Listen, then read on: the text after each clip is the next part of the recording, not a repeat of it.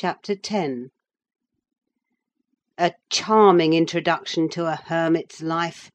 Four weeks' torture, tossing, and sickness! Oh, these bleak winds, and bitter northern skies, and impassable roads, and dilatory country surgeons! And oh, this dearth of the human physiognomy!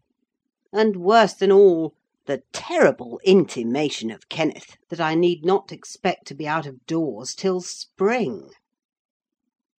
Mr. Heathcliff has just honoured me with a call. About seven days ago he sent me a brace of grouse, the last of the season. Scoundrel! he is not altogether guiltless in this illness of mine, and that I had a great mind to tell him. But, alas! how could I offend a man who was charitable enough to sit at my bedside a good hour, and talk on some other subject than pills and draughts, blisters and leeches? This is quite an easy interval. I am too weak to read, yet I feel as if I could enjoy something interesting. Why not have up Mrs. Dean to finish her tale? I can recollect its chief incidents, as far as she had gone. Yes, I remember her hero had run off, and never been heard of for three years; and the heroine was married. I'll ring: she'll be delighted to find me capable of talking cheerfully. Mrs. Dean came. "It wants twenty minutes, sir, to taking the medicine," she commenced. "Away, away with it!" I replied. "I desire to have—" "The doctor says you must drop the powders." "With all my heart! Don't interrupt me. Come and take your seat here. Keep your fingers from that bitter phalanx of vials. Draw your knitting out of your pocket. That will do. Now continue the history of Mr. Heathcliff, from where you left off, to the present day. Did he finish his education on the Continent, and come back a gentleman? Or did he get a sizar's place at college, or escape to America, and earn honours by drawing blood from his foster country, or make a fortune more promptly on the English highways?"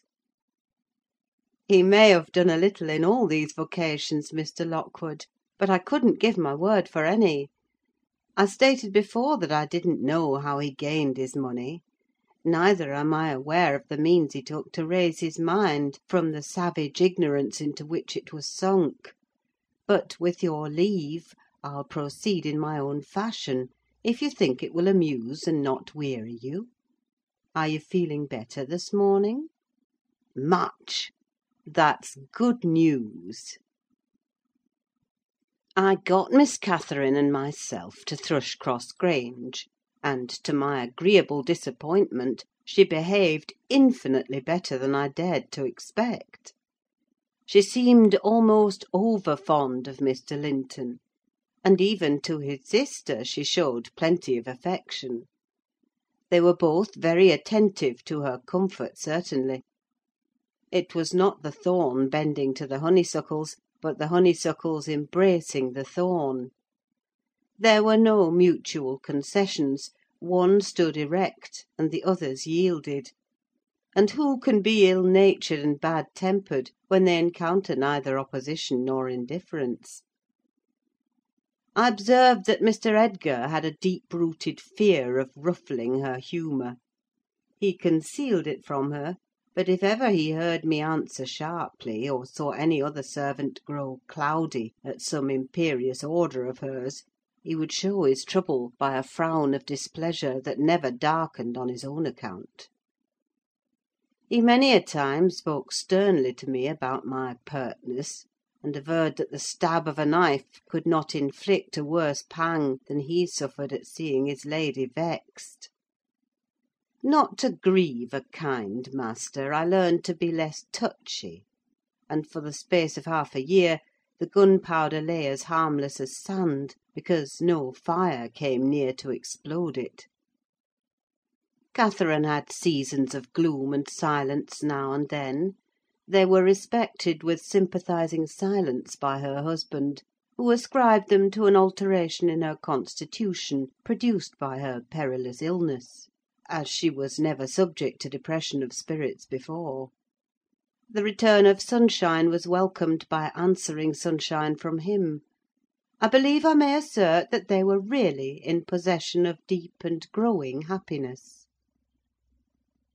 It ended. Well, we must be for ourselves in the long run: the mild and generous are only more justly selfish than the domineering; and it ended when circumstances caused each to feel that the one's interest was not the chief consideration in the other's thoughts. On a mellow evening in September, I was coming from the garden with a heavy basket of apples which I had been gathering. It had got dusk, and the moon looked over the high wall of the court, causing undefined shadows to lurk in the corners of the numerous projecting portions of the building. I set my burden on the house steps by the kitchen door, and lingered to rest, and drew in a few more breaths of the soft, sweet air.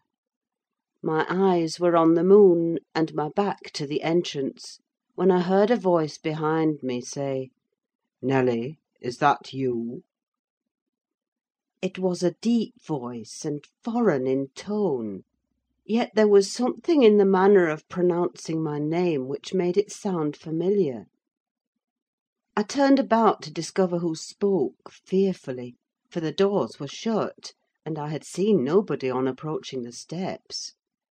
Something stirred in the porch, and moving nearer, I distinguished a tall man, dressed in dark clothes, with dark face and hair.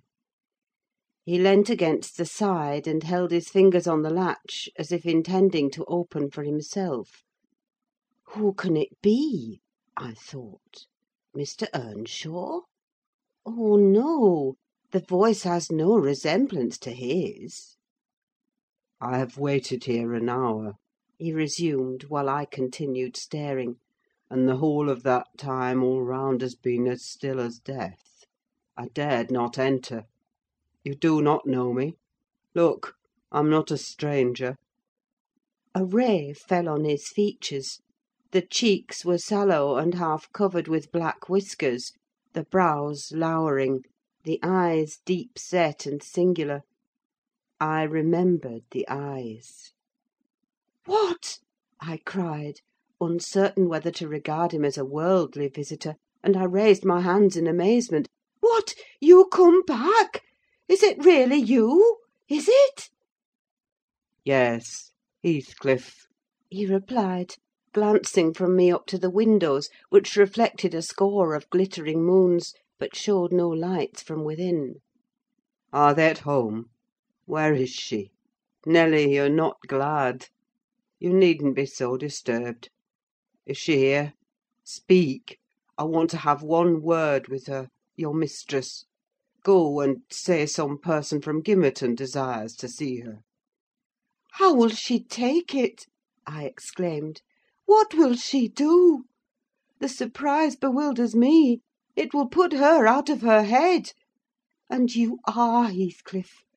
But altered! Nay, there's no comprehending it. Have you been for a soldier?" "Go and carry my message," he interrupted impatiently. "I'm in hell till you do." He lifted the latch, and I entered; but when I got to the parlour, where Mr. and Mrs. Linton were, I could not persuade myself to proceed. At length I resolved on making an excuse, to ask if they would have the candles lighted, and I opened the door.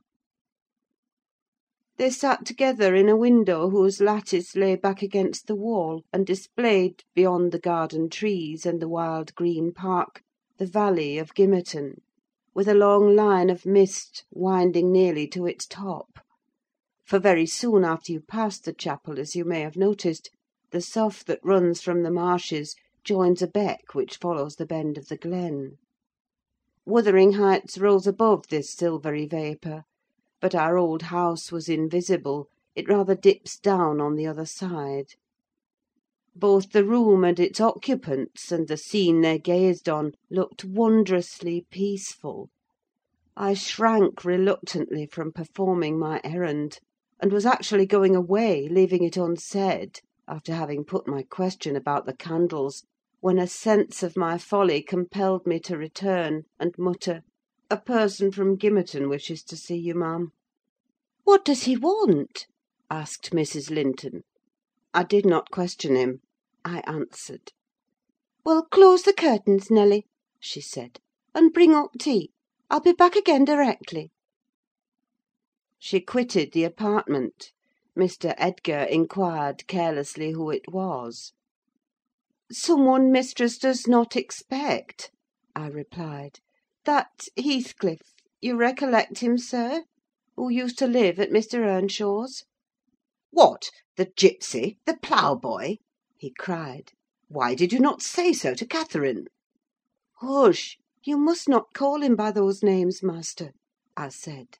"She'd be sadly grieved to hear you. She was nearly heart broken when he ran off. I guess his return will make a jubilee to her." Mr. Linton walked to a window on the other side of the room that overlooked the court. He unfastened it and leant out. I suppose they were below, for he exclaimed quickly, "Don't stand there, love! Bring the person in, if it be any one particular." Ere long I heard the click of the latch, and Catherine flew upstairs, breathless and wild; too excited to show gladness: indeed, by her face, you would rather have surmised an awful calamity. "Oh, Edgar, Edgar!" she panted, flinging her arms round his neck. "Oh, Edgar, darling! Heathcliff's come back! He is!" And she tightened her embrace to a squeeze. "Well, well!" cried her husband, crossly. "Don't strangle me for that. He never struck me as such a marvellous treasure: there's no need to be frantic." "I know you didn't like him," she answered, repressing a little the intensity of her delight. "Yet, for my sake, you must be friends now. Shall I tell him to come up?" "Here?" he said. "Into the parlour?" "Where else?" she asked. He looked vexed, and suggested the kitchen as a more suitable place for him. Mrs. Linton eyed him with a droll expression, half angry, half laughing at his fastidiousness. "No," she added, after a while, "I cannot sit in the kitchen. Set two tables here, Ellen: one for your master and Miss Isabella, being gentry; the other for Heathcliff and myself, being of the lower orders. Will that please you, dear? Or must I have a fire lighted elsewhere? If so, give directions. I'll run down and secure my guest. I'm afraid the joy is too great to be real." She was about to dart off again, but Edgar arrested her. "You bid him step up," he said, addressing me. "And, Catherine, try to be glad without being absurd. The whole household need not witness the sight of your welcoming a runaway servant as a brother." I descended, and found Heathcliff waiting under the porch, evidently anticipating an invitation to enter.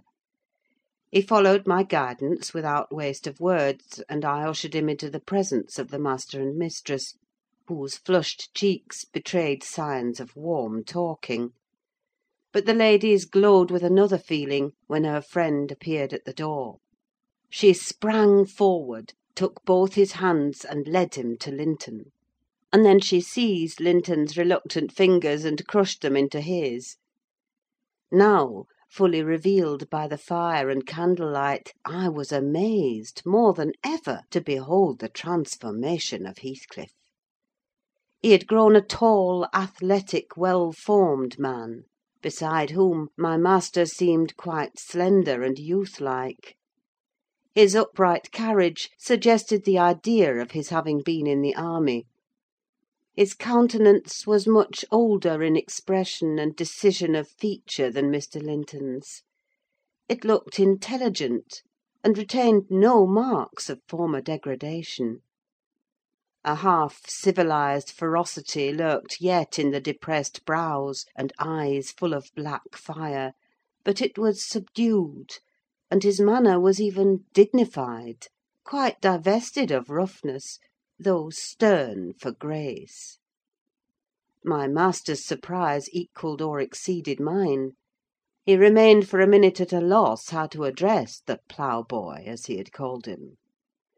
Heathcliff dropped his slight hand, and stood looking at him coolly, till he chose to speak. "Sit down, sir," he said, at length. "Mrs. Linton, recalling old times, would have me give you a cordial reception; and, of course, I am gratified when anything occurs to please her." "And I also," answered Heathcliff; "especially if it be anything in which I have a part. I shall stay an hour or two willingly."